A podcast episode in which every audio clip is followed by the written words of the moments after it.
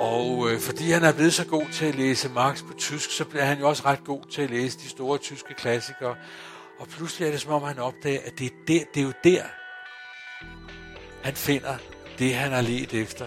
Det viser sig, at hans politiske engagement i virkeligheden har været lidt overfladisk i forhold til det politiske, fordi det, han i virkeligheden har let efter, var en oplevelse af, at livet kan være større, at livet kan være dybere, at livet kan have, et, have mere vingefang, mere glød, end, end man umiddelbart skulle tro. Forfatter Jens Christian Grøndal uddyber her, hvad der driver hovedpersonen i hans seneste roman Jernporten. Værket var månedens bog i februar 2015, og i den anledning holdt forfatteren et foredrag på Københavns Hovedbibliotek. Jens Christian Grøndal har et stort internationalt forfatterskab bag sig. Hans romaner er udkommet i over 30 lande og optræder på kritiker- og bestsellerlister verden over. Den seneste roman, Jernporten, er en roman om en mand, der ser tilbage på sit liv med kvinder, karriere, litteratur og kunst. Han finder sin lærergærning stimulerende og meningsfuld, men alligevel vælger han ensomheden og betragterens rolle. Har han nået det, han ville? I dette foredrag forklarer han om arbejdet med romanen og læser udvalgte passager op. Litteraturformidler Susan Erdogan Borlin fra Hovedbiblioteket introducerer. God aften og velkommen, ærede publikum, i dette litteraturens og folkets hus. I disse tider, hvor øh, digital information og socialitet vælter ind over os, øh, hvor materiel vækst og anseelse er noget, vi alle sammen halser efter, så er det mig en ganske særlig ære at kunne præsentere Jens Christian Grøndal og hans seneste værk her i aften. Jernporten handler om en mand, der ser tilbage, om øh, kunst, kultur, eftertanke og kærlighed. Disse eksistentielle emner eller spørgsmål er vigtigere end nogensinde. Øh, litteraturens øh, evne til at, at danne vores virkelighed og verden øh, er også noget, som Jens Christian øh, beskæftiger sig meget med i hans bøger. 19 romaner er det blevet til. Mine damer og herrer, byd øh, Jens Christian velkommen.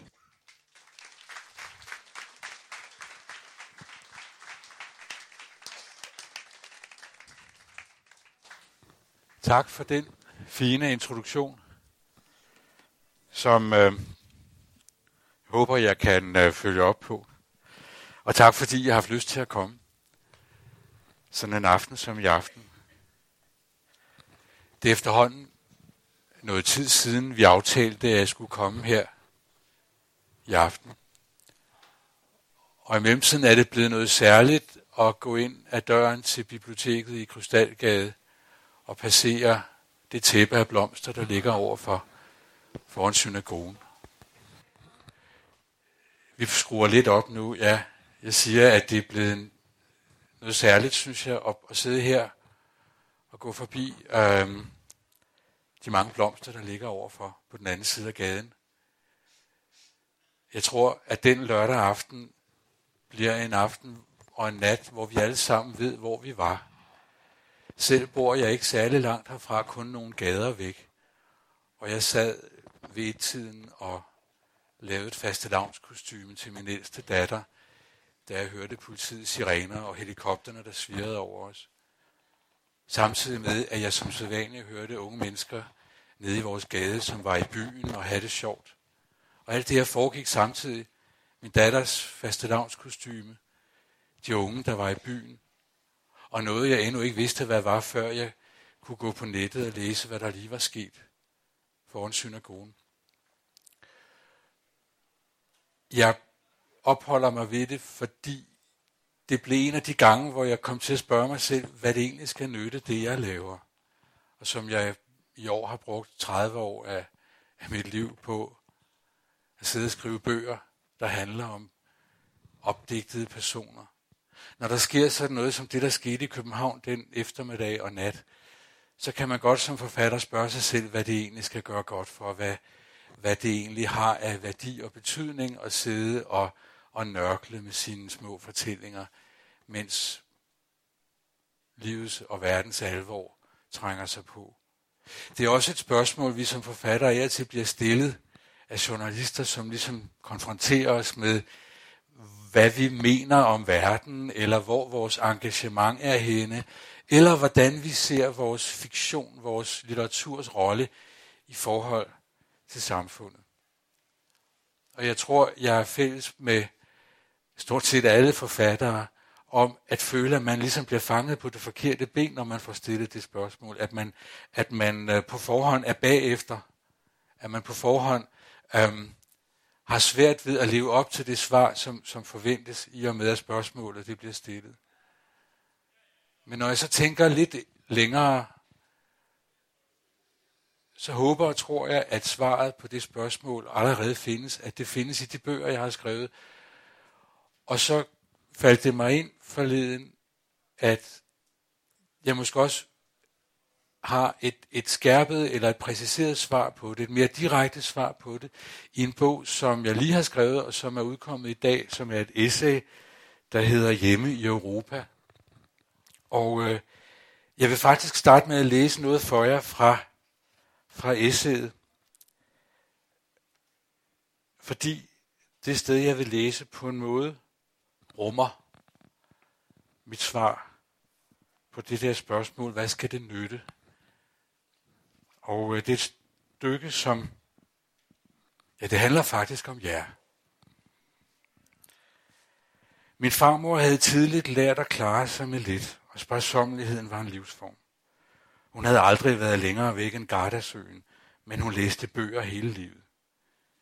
I romanerne kunne hun være alle vegne og leve sig ind i hvem som helst, mens hun sad på sin altan ved Svanemøllen. Hun tilhørte en generation, der ikke havde lært at foragte litteraturen, bare fordi den sjældent smisker og byder sig til. Læsningen var med til at skabe en stemning, en bund i tilværelsen, endda en form for værdighed, selvom forholdene var små. Og der er stadig mange, der læser som hun, går på biblioteket og finder noget. De gode læsere er et skyggesamfund bag mediernes larm og fakter, bag den evindelige stræben efter mere vækst og velstand. De vil også helst sidde for sig selv i deres krog med den bog, de er i gang med. Selvom jeg også er ambitiøs og smittet med den almindelige higen efter social prestige, så er den største succesoplevelse i mit forfatterliv stadigvæk, når en ukendt læser kommer hen og fortæller mig, at det er som om min bog handler om ham eller hende. Jeg bliver helt genert, men håber samtidig, at alle læsere vil kunne have det sådan, selvom de ikke kender hinanden. Det mærkelige ved læsningens fællesskab er, at den forbinder de læsende i deres afsondrethed.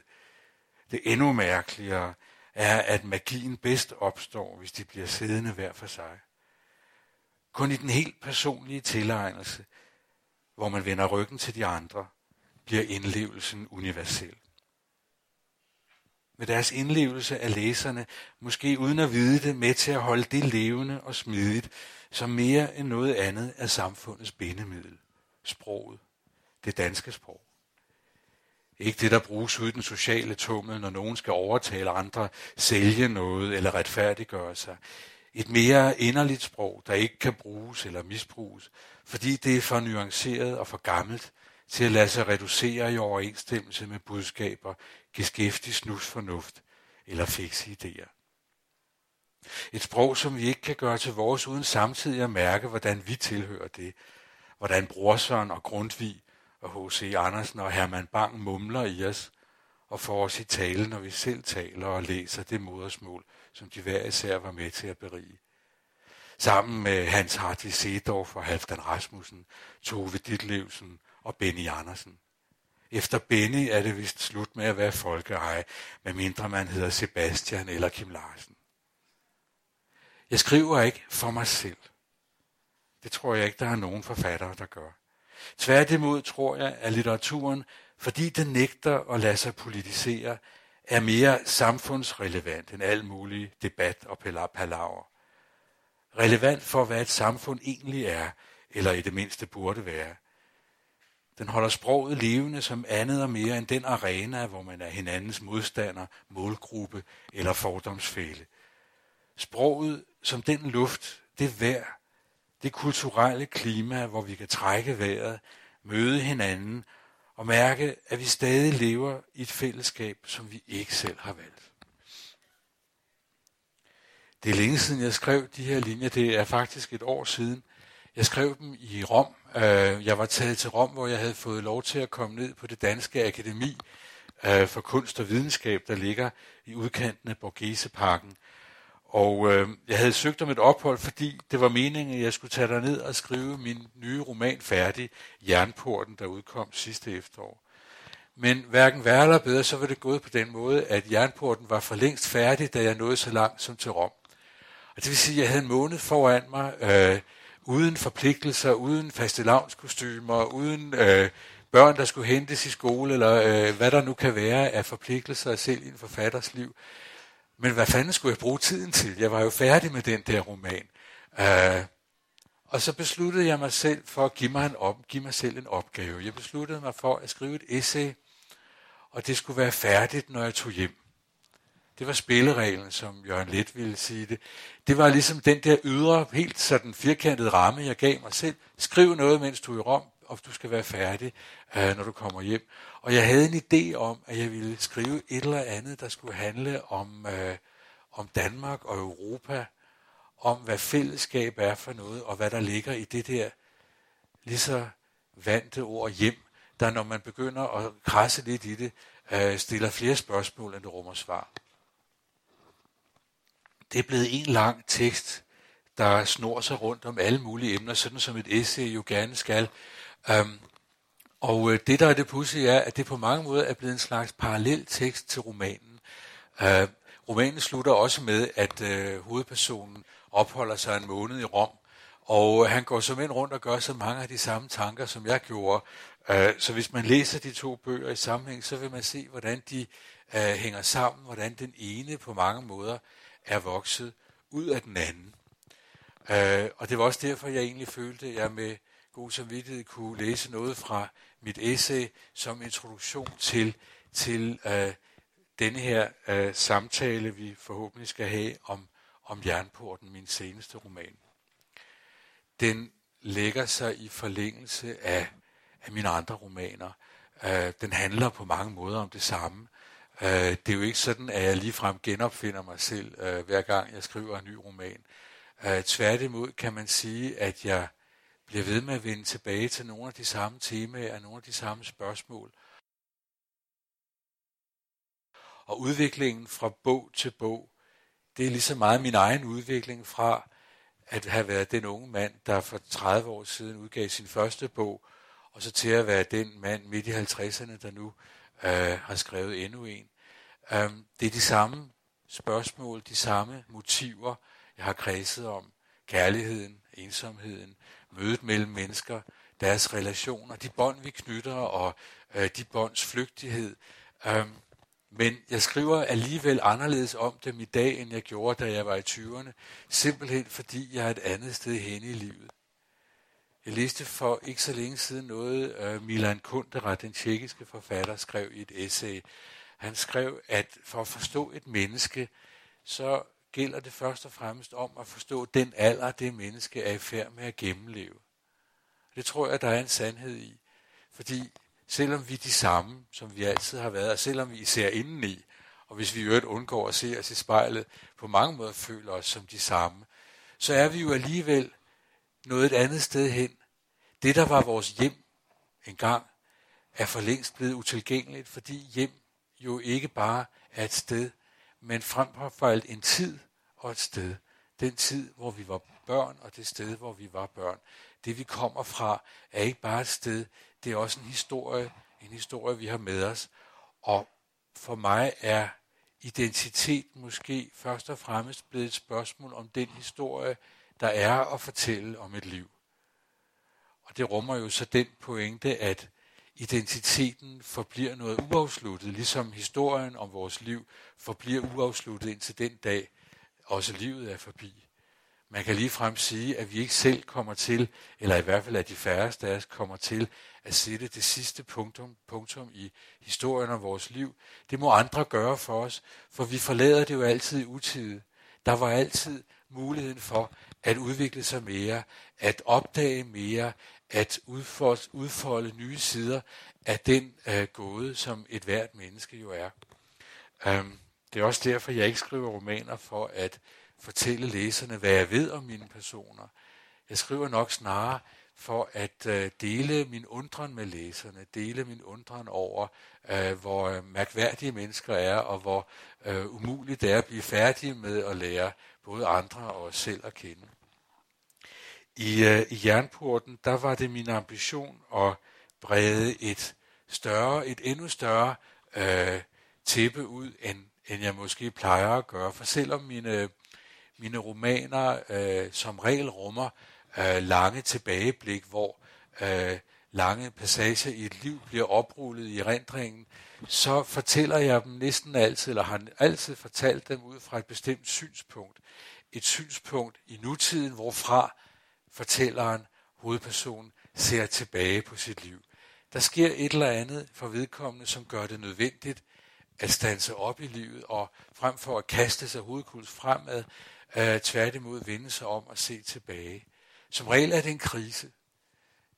Allerede i romanen øh, Tavshed i oktober er det en krise, der gør fortællingen nødvendig.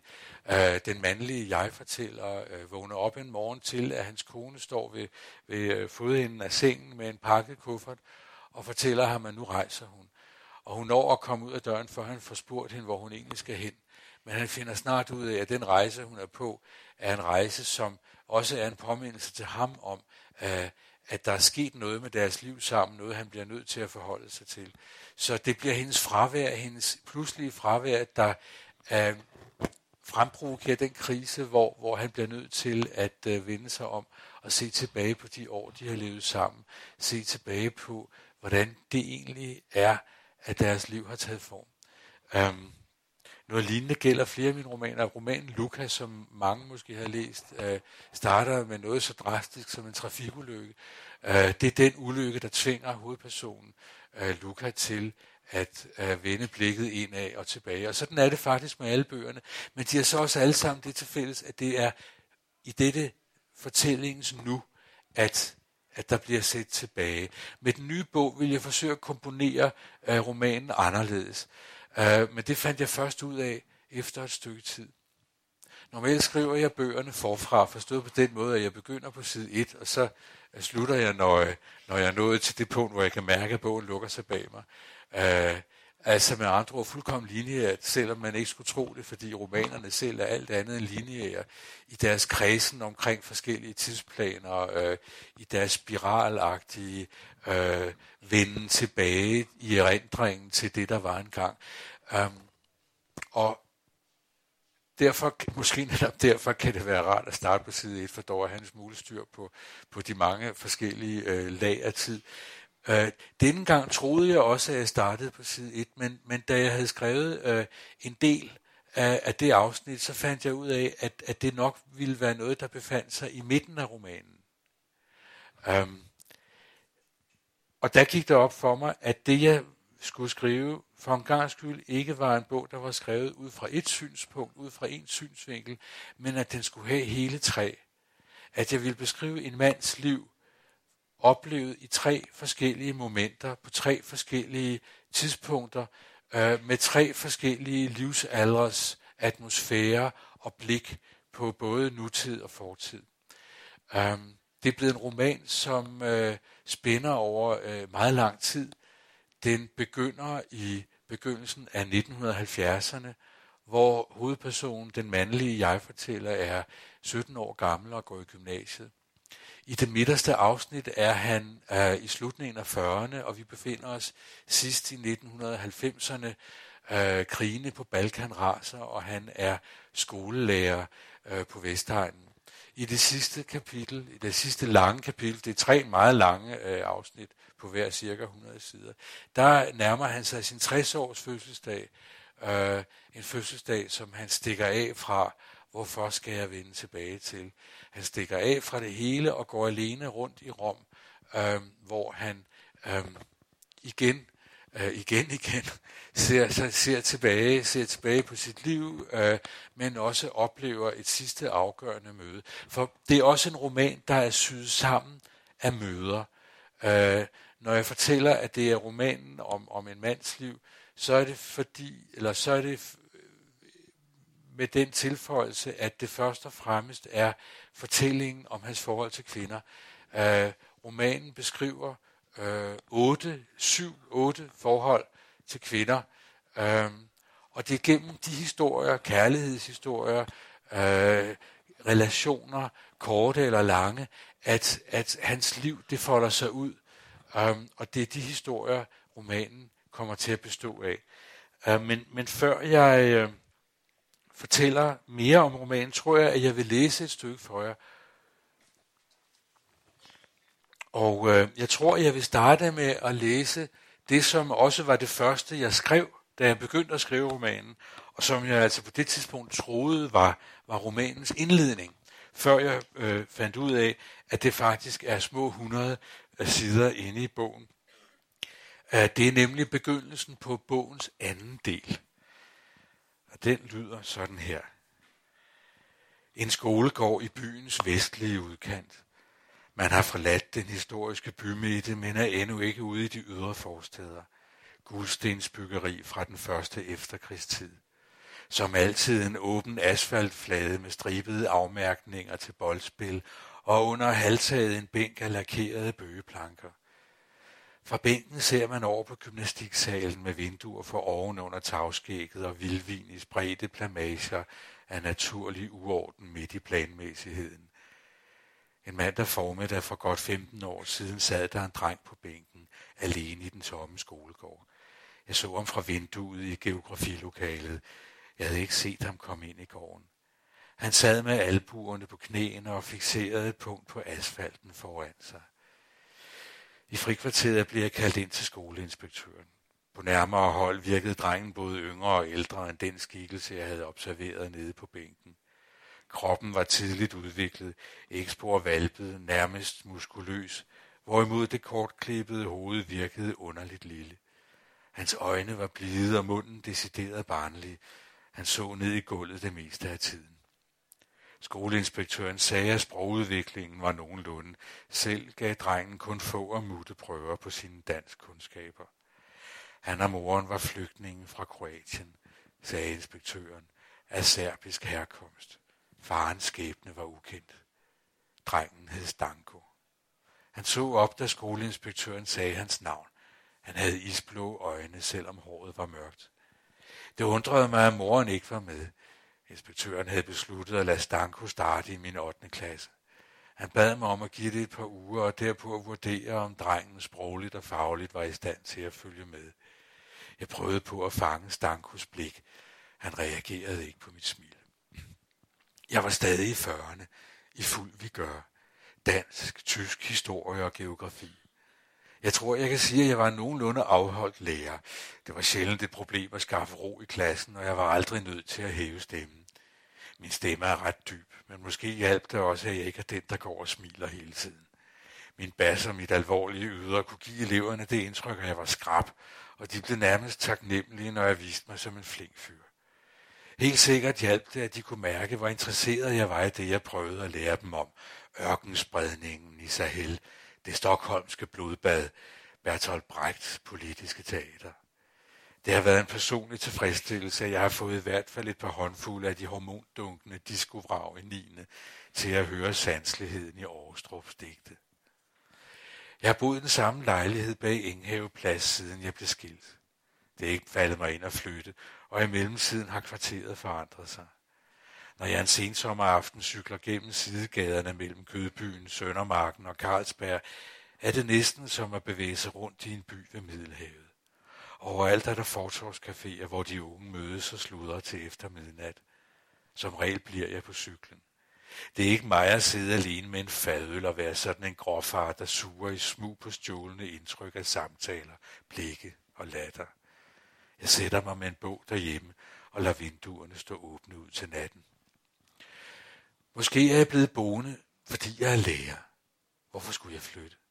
Min plads har altid været et sted, som andre skulle forbi undervejs fra barn til voksen, fra hjem og forældre til, hvad der nu kunne vise sig, hvad det kunne blive til, små eller store mål og forventninger, drømme, som man siger, selvom det ord burde være forbeholdt, hvad der sker, mens vi sover. Drømmene kan man ikke stille noget op overfor, men mine elever i 9. var altid fulde af selvtillid og gå på mod ved udsigten til, at ingen længere skulle fortælle dem hvorhen og hvornår. Jeg vinkede farvel og begyndte forfra med et nyt kul store hoveder på små kroppe, lærte deres navne udenad, lærte dem at læse og skrive. Min plads har været den passage. Lugten af nyvasket linoleum og skyggeløsheden under lysstofrørene en vintermorgen, og sneen som det første toner frem af mørket i riflede baner på gymnastiksalens tegltag. Jeg skriver på tavlen, sonet, enevælde, svedjebro. Jeg skriver ordene i en sky af pulveriseret kridt, fordi svampen var for tør, da jeg tørrede tavlen af. Min skråskrift knirker mod tavlelakken. Måske knækker kridtet. Nogen visker allerede på bageste række, og det er meningen med mit liv. Det er, som det skal være. Jeg er en biperson, der ser dem passere på vej til hver sin historie. Jeg er som kvinden i en stationsforstanders vindue, som Herman Bang engang så fra sin togkupé, men jeg længes ikke, som han forestillede sig, at hun gjorde, efter at sætte mig op i toget og forlade det hele, tage til en anden by, begynde et nyt liv. Hvis det lyder mærkeligt, siger det lige så meget om den tid, vi lever i, som om vi levede i den samme tid, mine elever og jeg. Allerede dengang havde jeg vendet mig til ensomheden, og desuden var jeg sammen med andre fra mandag til fredag. Jeg har aldrig kedet mig i mit eget selskab. Når jeg ikke læser, cykler jeg ture eller går på udstilling. I ferierne besøger jeg en by i Europa, hvor jeg ikke har været, eller jeg vender tilbage til en by, jeg holder af, for at udforske nye kvarterer. Dengang for 15 år siden blev ensomheden hver anden uge brudt i tre dage, når Julie kom på besøg. Min datter Julie. Hun var flyttet til Jylland med sin mor, da hun var syv. De første år hentede jeg ind på Nyborg station. Vi stod på færgens agterdæk og så hendes mor vinke og formindskes for enden af kølvandet. Maria var blevet som en anden kvinde, når vi mødtes i Nyborg. Selvom det kun varede et kvarters tid, vidste vi ikke, hvad vi skulle sige til hinanden. Da broen kom, var Julie blevet stor nok til selv at tage toget fra Vejle. Derhjemme holdt jeg døren lukket ind til hendes værelse, når hun ikke var der, men jeg skammede mig over det. Jeg opfattede det som en svaghed, at jeg undgik synet af tøjdyr mellem puderne på sengen. I begyndelsen var det vigtigste at gøre hende tryg og få vores timer sammen til så godt jeg kunne og ligne det familieliv, hun havde mistet. Vi blev dygtige til at hygge os. Vi kunne efterhånden le igen. Hun greb en hver anledning til latter som en, der er sulten og griber ud efter en skivebrød. Med tiden slappede hun mere af, men hun blev også ældre i takt med, at hun vendede sig til vores nye virkelighed. Det, hun havde mistet, mistede efterhånden sin relevans. Projektet, som hendes forældre havde efterladt som en blindgyde, noget kasseret. Mor og far skulle videre, og hun har ikke undgået følelsen af at være på slæb, men hun affandt sig med at være det levende og elskede produkt af noget, vi måske lige frem fortrød. Hun kom også videre, og det var mig, der sad tilbage med følelsen af at være gået glip af noget. Jeg ved godt, at alle børn trækker sig på et tidspunkt og bliver hemmelighedsfulde. En hver far eller mor kommer en dag til at opleve sit barns kærlige opmærksomhed som et udslag af veneration mere end et aktuelt og presserende mellemværende. Alligevel stussede jeg over det næsten beskyttende i hendes blik og tone. Jeg var jo ikke ved at blive skrøbelig, og det var heller ikke, fordi hun ville passe på mig, men jeg skulle værnes imod, at nogen fældede dom over mig, som om hun tilgav, uden at jeg havde bedt om forladelse. Jeg burde have talt med hende om skilsmissen, men jeg fik aldrig taget mig sammen. Jeg ville ikke ødelægge den gode stemning. Jeg forestillede mig, at hun selv en dag ville berøre emnet, og jeg forberedte mig på en konfrontation på at give hende ret i alt. Da hun havde passeret de 20, blev jeg klar over, at det aldrig ville ske. Gennem årene fortalte hun sjældent om Maria, med mindre jeg spurgte, og jeg tror heller ikke, at hun talte til sin mor om mig. Vi skabte vores eget mikroklima af vaner, humørudsving, fortrolighed og udflugter. Mens hun var lille, gik vi forfærdelig meget i zoologisk have. Det var tæt på, og det var en måde. Når jeg siden var der på udflugt med en klasse, ventede jeg hele tiden at se os hånd i hånd foran indhegningen omkring tomme grusarealer, hvor det ene eller det andet vilde dyr netop den dag ikke var fremme. Maria og jeg var blevet skilt samme år, som Julie begyndte i skolen. Dengang skænkede jeg det ikke en tanke, at barndommen kulminerer der. Da Julie blev dobbelt så gammel, var hun ikke barn længere, men det havde taget de mellemliggende år at udligne den tid, hvor vi havde været en familie. Søndagen før den mandag, jeg vil fortælle om, havde jeg som sædvanligt fuldt Julie til toget. Sidst på eftermiddagen cyklede vi af Sønder Boulevard over Halmtorvet op til Titkensbroen. Det var nemmere at gå direkte fra broen ned på perronen, frem for at skulle den anden vej op til Frihedsstøtten og ind gennem forhallen. En smuk dag i september. Himlen havde været blå som i sangen, og vi havde været på piknik i Søndermarken, som så ofte før.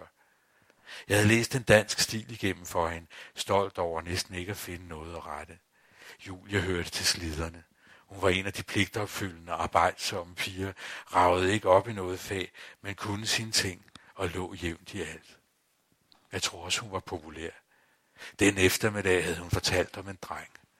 Det var første gang, hun viste mig den slags fortrolighed, og jeg passede på ikke at overspille rollen som indvidet. Det var også ret intetsigende, hvad hun havde at fortælle, men jeg prøvede alligevel på at se hende, som jeg forestillede mig, at drengen gjorde. Hendes kraftige blonde hår, som hun har fra Maria, den lidt kantede hage, den lyse huds tendens til rødme og irritation.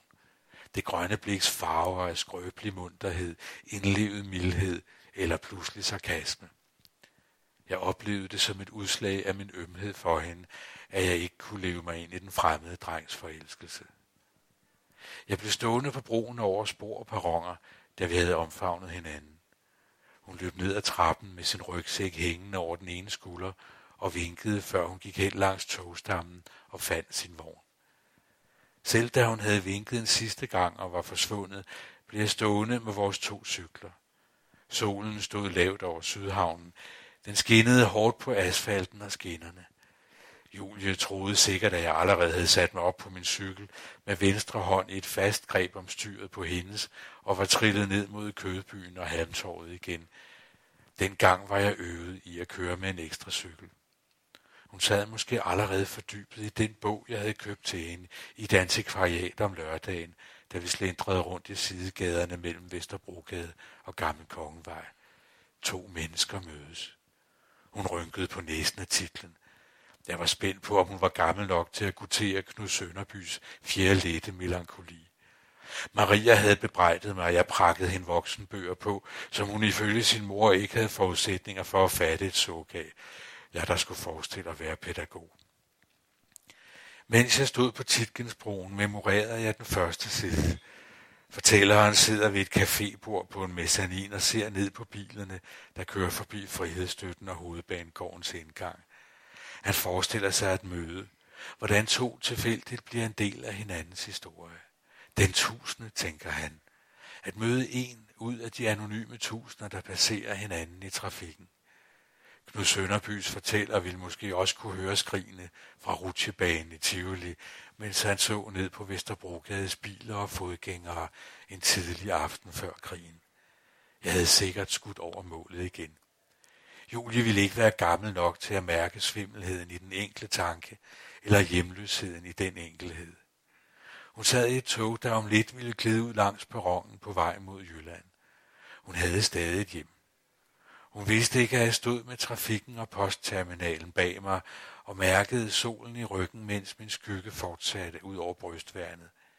At jeg var blevet stående for at se ned på en enkelt af vognen i toget, der langsomt satte sig i bevægelse ind under mine fødder. Sådan troede jeg, romanen begyndte. Sådan som det her lange midterste afsnit begynder, med en mand, der befinder sig midt i livet, en mand, der allerede har meget af det bag sig. En mand, der allerede har en historie at se tilbage på. En historie, der har brugt både levende frugt i form af en datter, som kommer og besøger ham i den her ensomhed, som vi efterhånden forstår er selvvalgt. Han kunne som end godt øh, være vedblevet med at være gift. Det er på mange måder noget, der skyldes ham selv, at han øh, nu lever i denne her ensomhed, som han på mange måder også har indrettet sig med. Øh, efterhånden som man læser sig ind i afsnittet, fornemmer man, hvordan han nok er blevet det, som nogen vil kalde en sær snegl. En mand, der lever for sit arbejde, for denne her lærergærning, der øh, udgør en slags mening med livet, måske det vigtigste, den vigtigste mening med hans liv, og som det meste af den øvrige tid tilbringer øh, livet alene, omgivet af sine elskede bøger. Øh, man fornemmer tidligt, at han er en mand, der har det her passionerede forhold til litteraturen, øh, et forhold, som han forsøger at dele med sin datter. Men han er også en mand, der på mange måder er mærkeligt ude af fase med sin tid.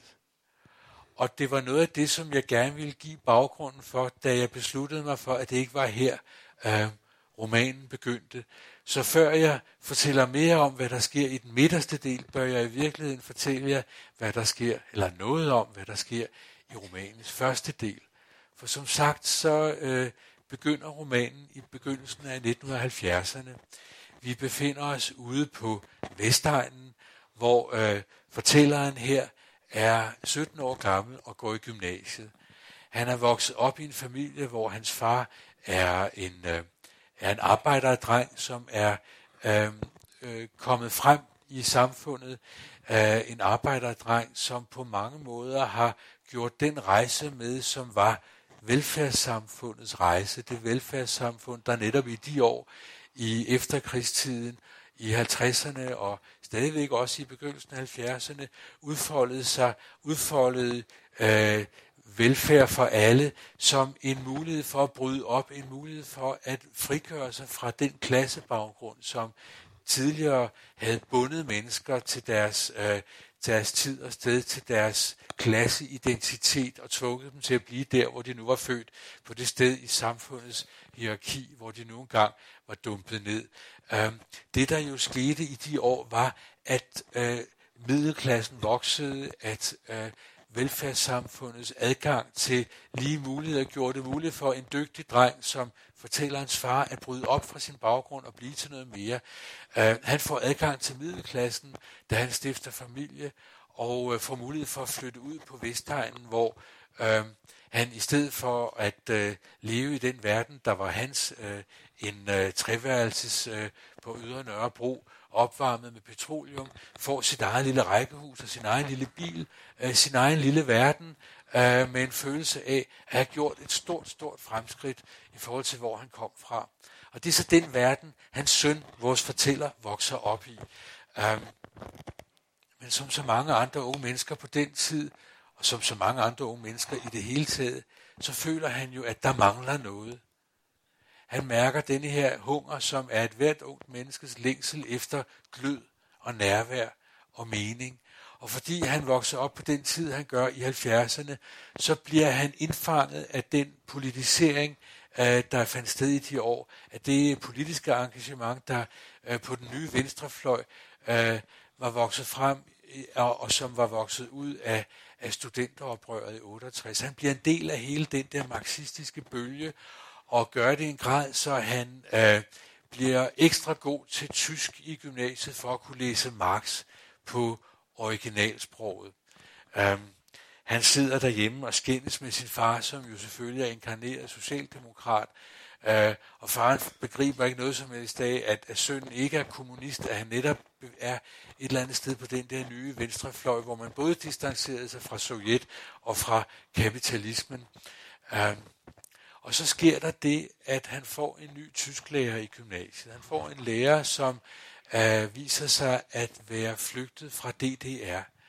Øh, Gudrun hedder hun, og øh, hun øh, introducerer ham for et andet bud på glød og nærvær, end det, som han har søgt i det politiske engagement i forestillingen om, om verdensrevolutionen. Hun introducerer ham nemlig for de tyske klassikere, for Thomas Mann og Stefan Zweig og Rainer Maria Rilke. Og øh, fordi han er blevet så god til at læse Marx på tysk, så bliver han jo også ret god til at læse de store tyske klassikere. Og pludselig er det som om, han opdager, at det er, der, det er jo der, han finder det, han har let efter. Det viser sig, at hans politiske engagement i virkeligheden har været lidt overfladisk i forhold til det politiske, fordi det, han i virkeligheden har let efter, var en oplevelse af, at livet kan være større, at livet kan være dybere, at livet kan have, et, have mere vingefang, mere glød, end, end man umiddelbart skulle tro, hvis man vokser op på Vestegnen i, øh, i 1970'erne. For det han oplever, sin store frustration over, det han er så utilfreds med, uden rigtig at kunne sætte ord på, det er jo, at han oplever et samfund, hvis store fremskridt først og fremmest af materielle og sociale fremskridt. Han oplever, at, at det er lykkedes at bygge et samfund, hvor rammerne efterhånden er ved at være på plads. De perfekte rammer for livets udfoldelse. De materielle rammer i form af lighed og velfærd. Men hvordan er det lige med indholdet? Hvad er det for et indhold, som skal udfolde sig inden for de rammer? Det der oplever hans liv slet ikke noget bud på i, i den verden, han vokser op i. Tværtimod oplever han en, en besathed af, af det materielle, af det sociale, øh, som gør, at han efterhånden, som han kommer ind i, i det, det her, øh, den her kulturverden, som hans, øh, hans Tyskland præsenterer ham for, finder ud af, at, at, at det, som det egentlig handler om, jo er vores indre liv. Øh, så sker der samtidig det, at uh, hans tysklærer Gudrun introducerer ham for sin datter, som hun havde med sig, da hun flygtede fra DDR. Erika hedder hun. Uh, hun er et par år ældre end fortælleren, og hun er i mellemtiden blevet filosofistuderende på Universitetet Vestberlin, men hun kommer til København en gang imellem, og det er under et af de besøg, at fortælleren forelsker sig hovedkuls i hende. Han har allerede en gymnasiekæreste, øh, men uh, han, han bliver dybt, dybt forelsket i Erika, fordi hun uh, på mange måder repræsenterer den dannelse, dannelsesverden, som hendes mor også repræsenterer. Det bliver hende, der åbner hans øjne for den klassiske musik og for filosofien og alt det der, der før har stået for ham som en lidt snobbet, ciseleret verden, der ikke rigtig sagde ham noget. Pludselig kommer han ind i, i, i det sprog og, og, og oplever, at, at det er der, der findes en livstolkning, som, som for alvor kan øh, slå benene væk under ham. Øh, men det hjælper selvfølgelig, at han samtidig er vildt forelsket i den her eksotiske pige, øh, som øh, bliver hans første store kærlighed, Erika. Øh, men samtidig med, at han gennemlever den her kærlighed, sker der noget helt andet, øh, og meget sørgeligt. Øh, hans mor øh, finder ud af, at hun er uhelbredeligt syg af kræft. Så samtidig med, at han oplever kærligheden første gang, oplever han også døden for første gang. Uh, hans mor, uh, som han egentlig aldrig føler, at han rigtig har lært at kende, og som han i sidste øjeblik kommer tæt på, fordi de har nogle samtaler uh, af en art, som de egentlig aldrig har haft før, og hvor han bliver så overrasket over, hvor stoisk hun egentlig er, uh, hvor roligt og egentlig sagt modigt hun imødeser, at hendes tid er ved at være forbi, at øh, hendes dage er talte, og at det egentlig ikke gør noget. At det egentlig ikke gør noget, at livet ikke bliver længere. Han kan ikke rigtig forstå, at hun kan være så rolig, øh, og det forbliver på en måde en gåde for ham. Især fordi han efter hendes død finder ud af en hemmelighed, som han ikke var klar over. Hans store søster fortæller ham, hvad moren har betroet hende, nemlig at da hun fik at vide, at hun var syg, planlagde hun faktisk at forlade deres far, fordi hun havde mødt en anden mand. Så hun var faktisk i et opbrud, hun var faktisk på vej til at, at begynde et nyt kapitel i sit liv, at bryde op øh, fra det liv, hun havde haft, for at, at omdefinere sig selv på ny, da, da, hun, øh, da hun blev indhentet af den her kræftsygdom. Det, der så sker, det er, at, at deres far, øh, da han hører det her, bliver utrolig lettet. Han viser det sig, har nemlig, er nemlig selv, har selv, et selv indledt et, et nyt forhold, mens, øh, mens moren var syg. Og, øh, og øh, fortælleren, som jo er en ung mand på 17 år, reagerer meget, meget stærkt mod den form for kynisme, han, han oplever i, at hans far føler sig lettet. Hans far føler sig frikendt, fordi når hun også havde været ham utro, så gør det jo ikke noget, at han selv indledte et forhold, før, øh, før øh, fortællerens mor var lagt i graven. Hele den måde at tænke på, hele den måde at gøre sådan et regnebræt op, eller hvordan man nu skal beskrive det, øh, er ham inderligt imod. Og det giver ham også en reaktion imod noget, som bliver en reaktion imod noget i tiden. Altså hele den der forestilling om frihed, om at vi hele tiden kan gøre vores liv om, at vi hele tiden kan øh, omdefinere os selv. Øh, det bliver noget, han, han føler sig mere og mere fremmedgjort overfor undervejs igennem romanen. Men, men som vi kan høre, han er en ung mand, som er fanget i nogle dramaer, som, som sætter alting på spidsen. Forelskelse, død, forræderi, moral, øh, kærlighed, troskab, egoisme, øh, alle de her ting, alle de her bolde virvler i luften omkring ham. Og det er faktisk der, vi forlader ham efter de første 100 sider, hvor han i mellemtiden har fundet ud af, at den der stormende kærlighed til Erika øh, i Berlin måske først og fremmest var noget, der foregik i hans eget hoved. Det bliver med andre ord ikke bare hans første forelskelse, hans første møde med den store kærlighed. Det bliver også hans første oplevelse af, at kærligheden kan være en illusion, eller opleves som om den er det. Et selvbedrag. Noget, som i virkeligheden måske mest handler om, at vi overfører vores egne forventninger og drømme og længsler på det menneske, vi nogle gange kaster vores kærlighed på. Og det er den skepsis, han har med sig ind i sit voksenliv. Den her oplevelse af at være mistroisk over for sig selv. For på mange måder så er han en mand, der hele tiden igen og igen har den her oplevelse af, at der ligesom er et svæl, en afgrund, en kløft mellem ham selv og de andre. Uh, om han spørger sig selv, om det ikke også i virkeligheden var derfor, han så tidligt uh, fik det forhold til litteraturen, som han gjorde. Uh, på det punkt har han meget at gøre, meget til fælles med mig selv. Uh, da jeg begyndte at skrive, uh, hvad jeg gjorde meget, meget tidligt, uh, allerede i puberteten vidste jeg faktisk, at jeg gerne ville være forfatter. Uh, og da jeg begyndte at skrive, så tror jeg også, at det var ud fra en lignende oplevelse af, at man kan have ligesom en, en afgrund mellem sig selv og de andre. Selv dem, man er aller tættest på. At det at skrive på en måde er at udforske den ensomhed, den afgrund, samtidig med, at sproget jo er et forsøg på at springe hen over den. I og med, at man meddeler sig på en måde, så andre forhåbentlig vil kunne forstå, hvad det er, man mener.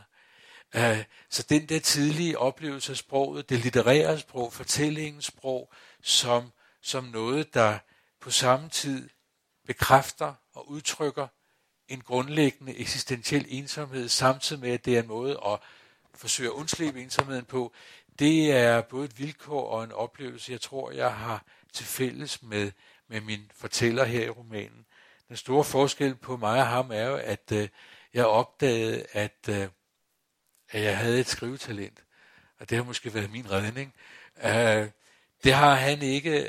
Øh, han må udfolde, øh, han må forsøge at, at hele den her spalte mellem ham selv og omverdenen på en anden måde. Og øh, han gør det jo så gennem, gennem kærligheden. Det bliver gennem relationerne, at han forsøger at, øh, at undslippe den her grundlæggende følelse af ensomhed.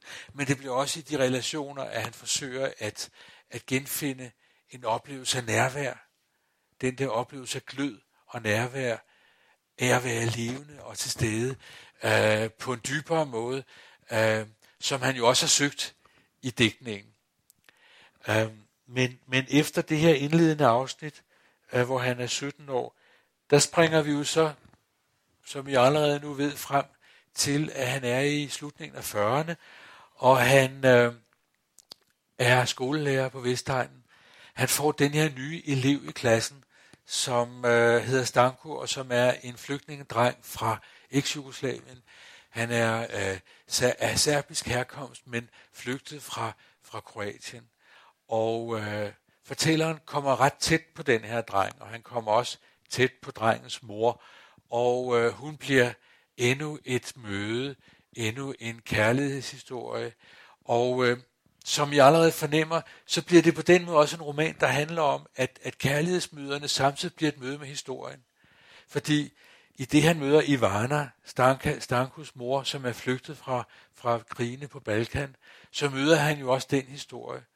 Parallelt med, at han i sin ungdom møder Gudrun og Erika, tysklæreren og hendes datter, og derigennem møder historien om det delte Europa, historien om Europa på den anden side af jerntæppet. Så det bliver endnu et tema i bogen, hvordan han øh, helt tæt på kommer til at opleve mennesker, der på en anderledes måde end ham selv er, er rundet af den der historie. For det, som jo kendetegner den verden, han selv er vokset op i, det er, at den verden, der nærmest har taget afsked med historien. Den verden af velfærd og fred og frihed, som kendetegner Danmark i efterkrigstiden, er en verden, hvor vi ikke længere oplever, at historien er noget, der trænger ind i vores liv, øh, som et vilkår, vi ikke kan undslippe. Um, det er noget, jeg har kredset om i mange af mine bøger, og også i mine essays. Dette, at jeg tilhører en generation, der ligesom har skulle genfinde en tabt forbindelse med historien. Og øh, det er også det, jeg forsøger at gøre i romanerne, hvor jeg lader mine personer møde historien i personificeret form, i form af de her mennesker, nu her i den her roman, de her kvinder, som på hver deres måde bærer en erfaring om Europas historie, som er mere smertefuld end den, man kender som dansker. Så han bliver virvlet ind i hendes historie øh, undervejs i, øh, i anden del af romanen, samtidig med, at vi får tilbageblik på, øh, på hans ægteskab med Maria, moren til Julie, og vi får også historien om et mærkeligt, uforpligtende forhold, han har til en kollega, Benedikte, som øh, også er lærer på skolen, og som er en dejlig, klog, varm, smuk kvinde, som øh, ovenikøbet selv er fraskilt, og som gerne vil ham. Og han øh, nyder jo godt af, at hun gerne vil ham, og de har det her uforpligtende forhold, hvor de overnatter sammen, måske en gang hver 14. dag.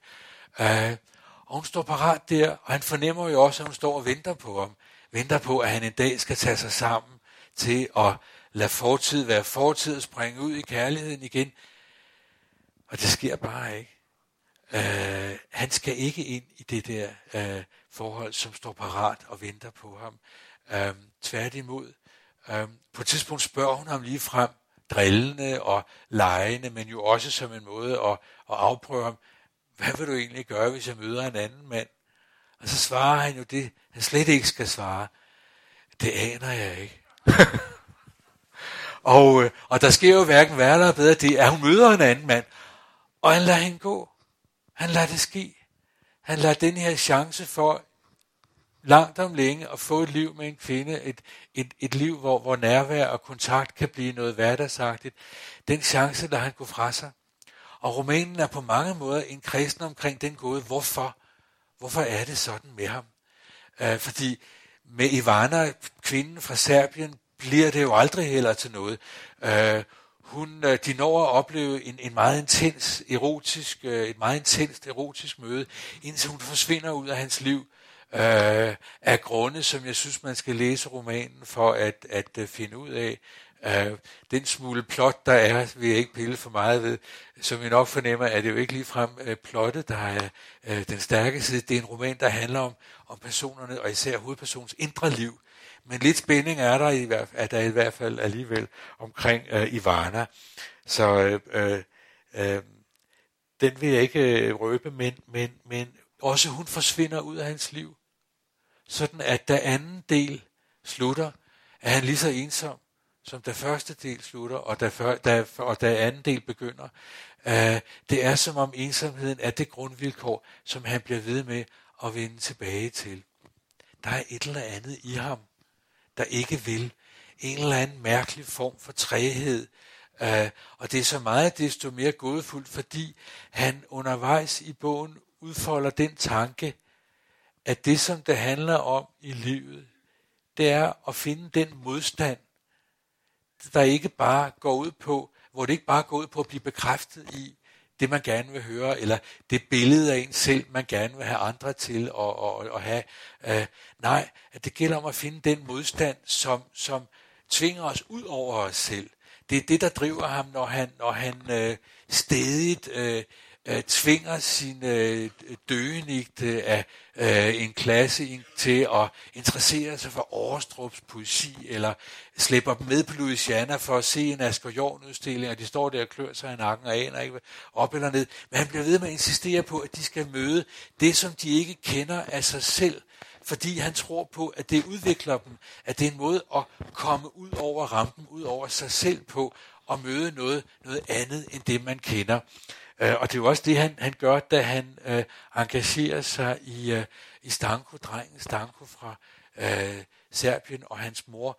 Øh, han engagerer sig i deres liv og deres flygtningeskæbne langt ud over, hvad man kan forvente af en skolelærer. Og selve det engagement, selve engagementet bliver for ham en måde at, at undslippe sig selv på.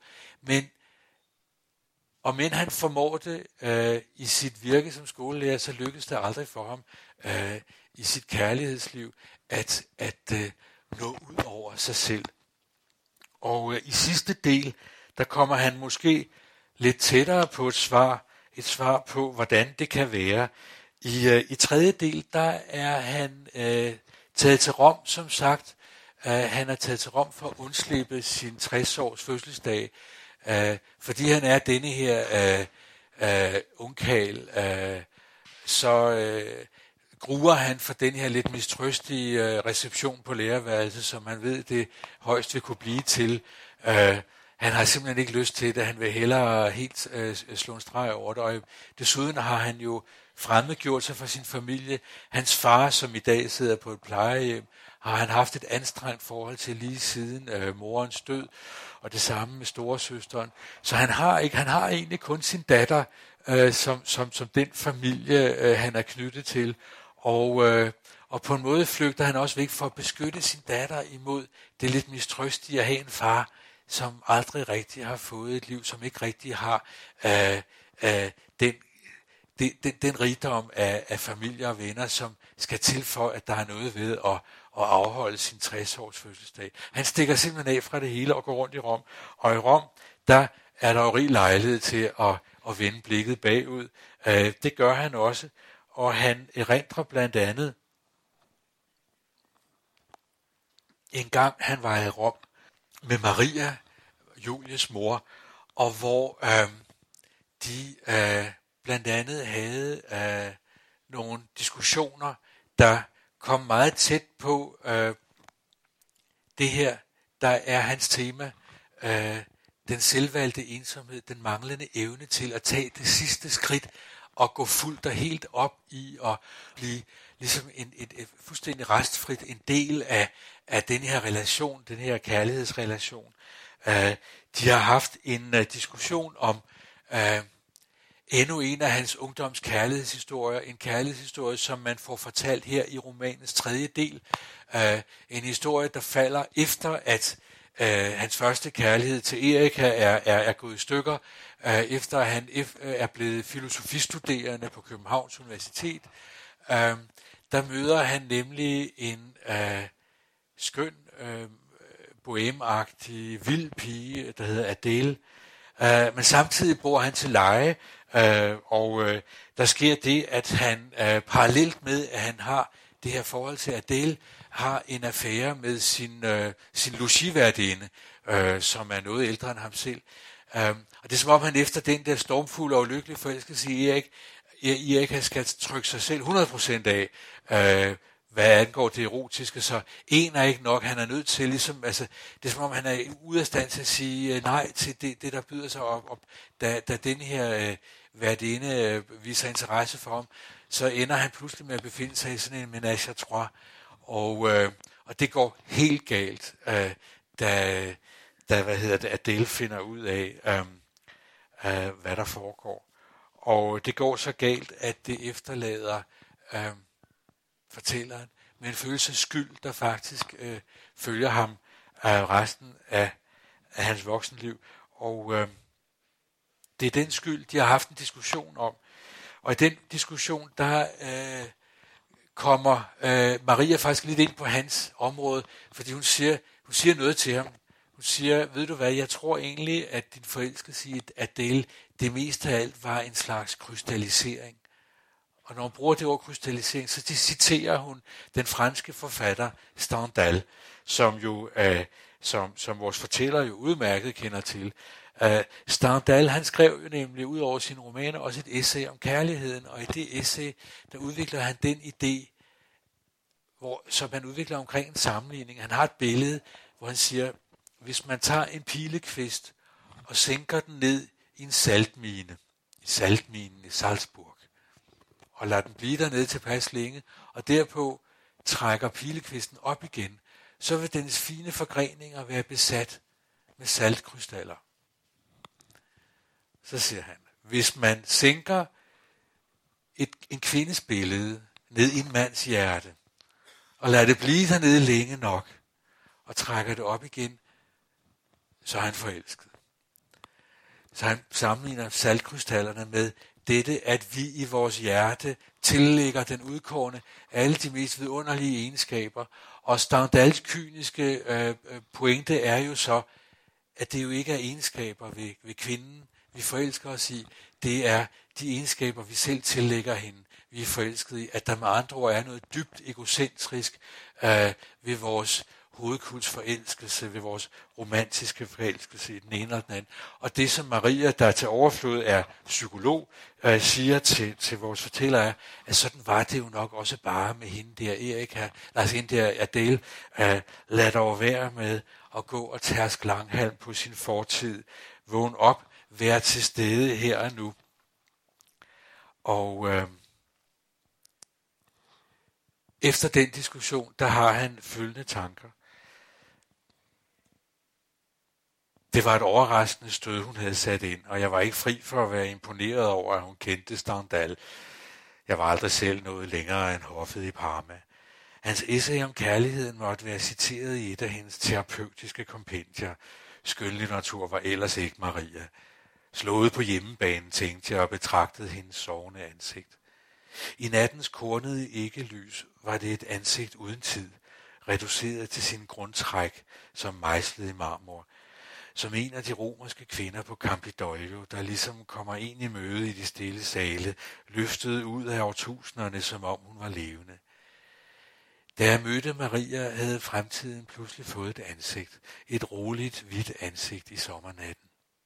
Jeg havde ikke levet så længe sammen med nogen ud over mine forældre, og jeg har ikke levet så længe med nogen siden. Man lukker et andet menneske helt indenfor. Man begynder at se sig selv med den andens øjne sådan som man forestiller sig, at hun ser en. Man hører hendes stemme, når man er alene, og hvad den siger. Den taler til en, fortæller en, hvem man er. Der er noget skizofrent ved at elske. Man samtaler med den anden stemme i en, den elskedes billede og den elskedes billede af en. Man resonerer og forhandler sig til rette. Man voterer om ret og rimelighed, hvad der er op og ned i livet. Mit liv, der også er blevet hendes. Hun har fået ret til at blive fundet rimelig, vundet hævd på min fornuft, og hvad der egentlig bare er hende og mig noget subjektivt og vilkårligt, bliver i mit indre til skinbarlig sandhed. Man forhandler også om retten til at blive elsket. Har man gjort sig fortjent? Jeg står til ansvar, ikke for hende, men for hendes billede i mig, hendes billede af mig, som jeg bærer på og genkender mig selv i. Jeg kan kun dømmes af mig selv, men er dog stadig under hendes jurisdiktion. Så længe alt er godt, har hun det lige sådan. Bliver der diskussion, procederer vi ved samme usynlige instans, der har sædet i os begge. Det er alt sammen prisen for at blive elsket, eller for hvad man forbinder med kærlighed. Små tegn, små og store beviser på opoffrelse, loyalitet og ømhed, til tider begær. Det får alt sammen en til at føle sig som et menneske. Man opdager det, når man bliver skilt. Man har forladt det menneskelige fællesskab, fordrevet eller af egen fri vilje, og man mærker det, mens man strejfer om i skovene, knap genkendelig mere, hverken for sig selv eller nogen anden. Jeg vendte Marias mor indad. Jeg vendte Marias ord indad, gjorde dem til mine. Krystallisering, selvbedrag, acceptere mig selv. Det underfundige var, at jeg følte mig tilskyndet af mit eget svar. Hvad hvis der var mening i ikke at acceptere mig selv? Det var der jo. Der var mening i at forstå mig selv, som Maria forstod mig. Det var den mening, jeg greb, fordi jeg gerne ville være manden, hun elskede. Den mand, hun havde udset sig en sommernat på Bjørnø. Jeg besluttede at acceptere mig selv, og det ville i første omgang sige at frelægge mig skylden for, at Adele havde forsøgt at begå selvmord.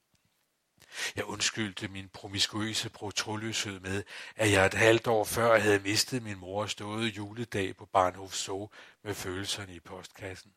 Jeg skød skylden på mine forældres gensidige forræderi, hvor døden var blevet en uventet for min far belejlig spiller. Var der noget at sige til, hvis jeg havde været forstyrret? Jeg sagde til mig selv, at jeg aldrig havde været rigtig forelsket i Adele, kun smiret. At jeg, at jeg først i fortrydelsens melankolsk selvsmagende tilbageblik havde bildt mig ind, at hun var kvinden, den eneste. Jeg forklarede mig selv, at den Erika, jeg i min naivitet havde drømt om, aldrig havde levet, og at den virkelige Erika selv havde mindet mig om det. Jeg ejede hende ikke. Maria var nok ikke klar over, at hun havde sat mig på plads, men hun havde heller aldrig følt sig truet af min fortid. Desuden havde vi Julie. Hun var et levende, voksende bevis på, at vores kærlighed havde fremtiden for sig. Sådan tænker man i begyndelsen. Kærligheden har fået sin egen krop, tænker man. Den trækker vejret, den smiler, og i nogle berusede måneder af forældrenes liv er barnet deres lysledende forbindelse. Så begyndte Julia at ligne det menneske, hun skulle være i sin egen ret, uanset hvad hendes forældre følte for hinanden.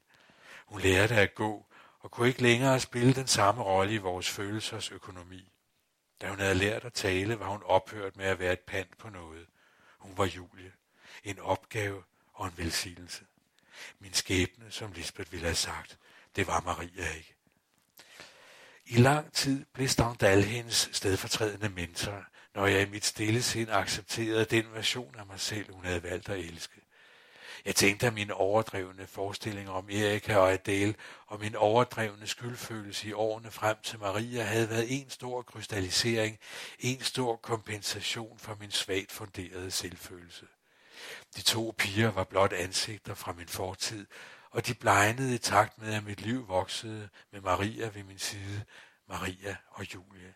Et liv, en tid, der åndede og vibrerede med alt det, man skal og vil.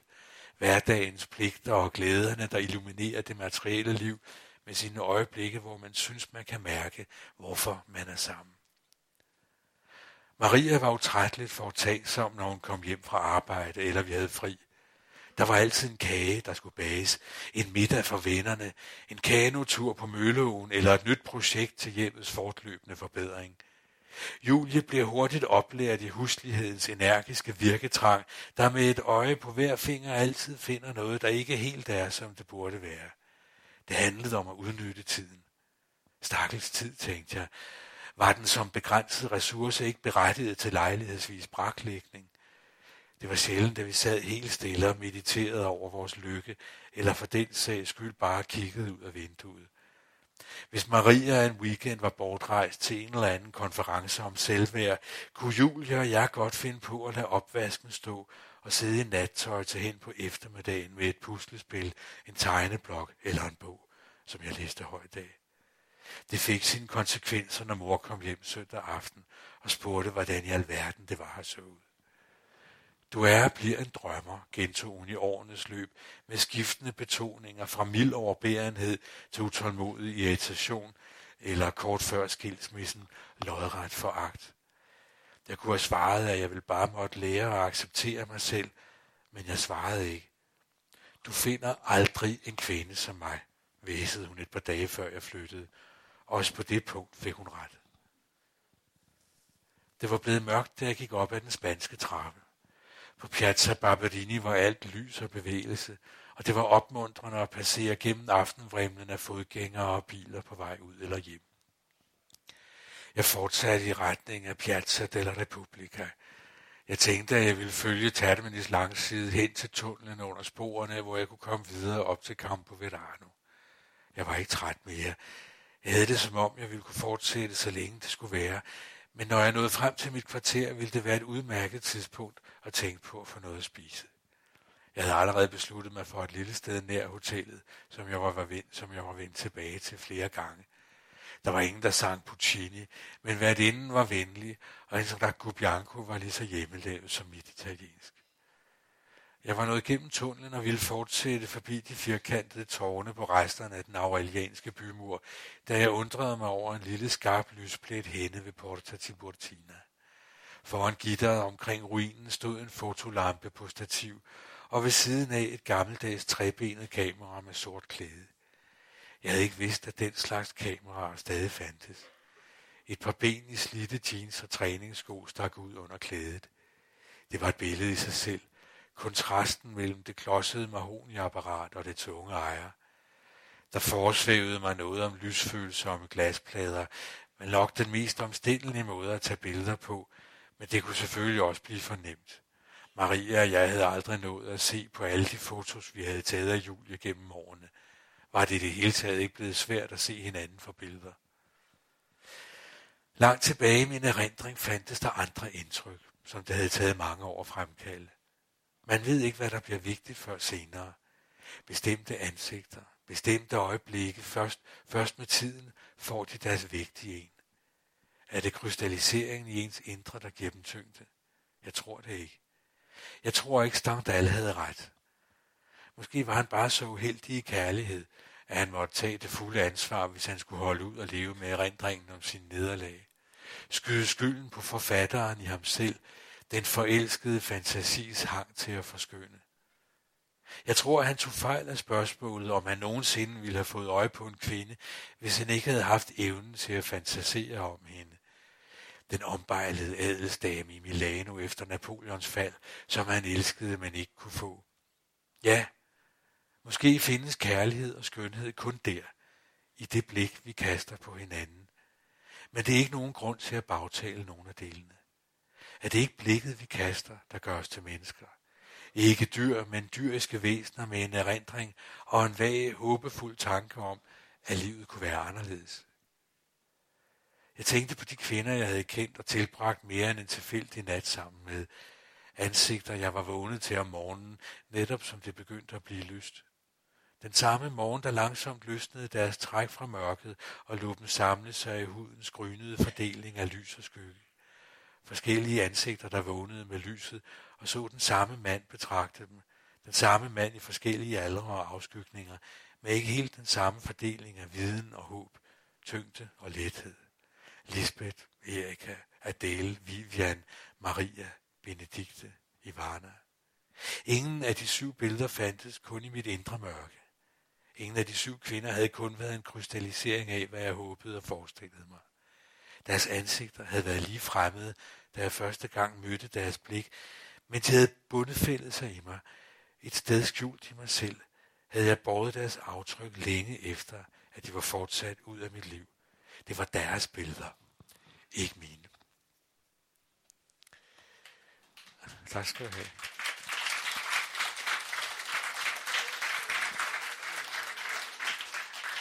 Månedens bog podcastrækken bliver produceret af Københavns Biblioteker.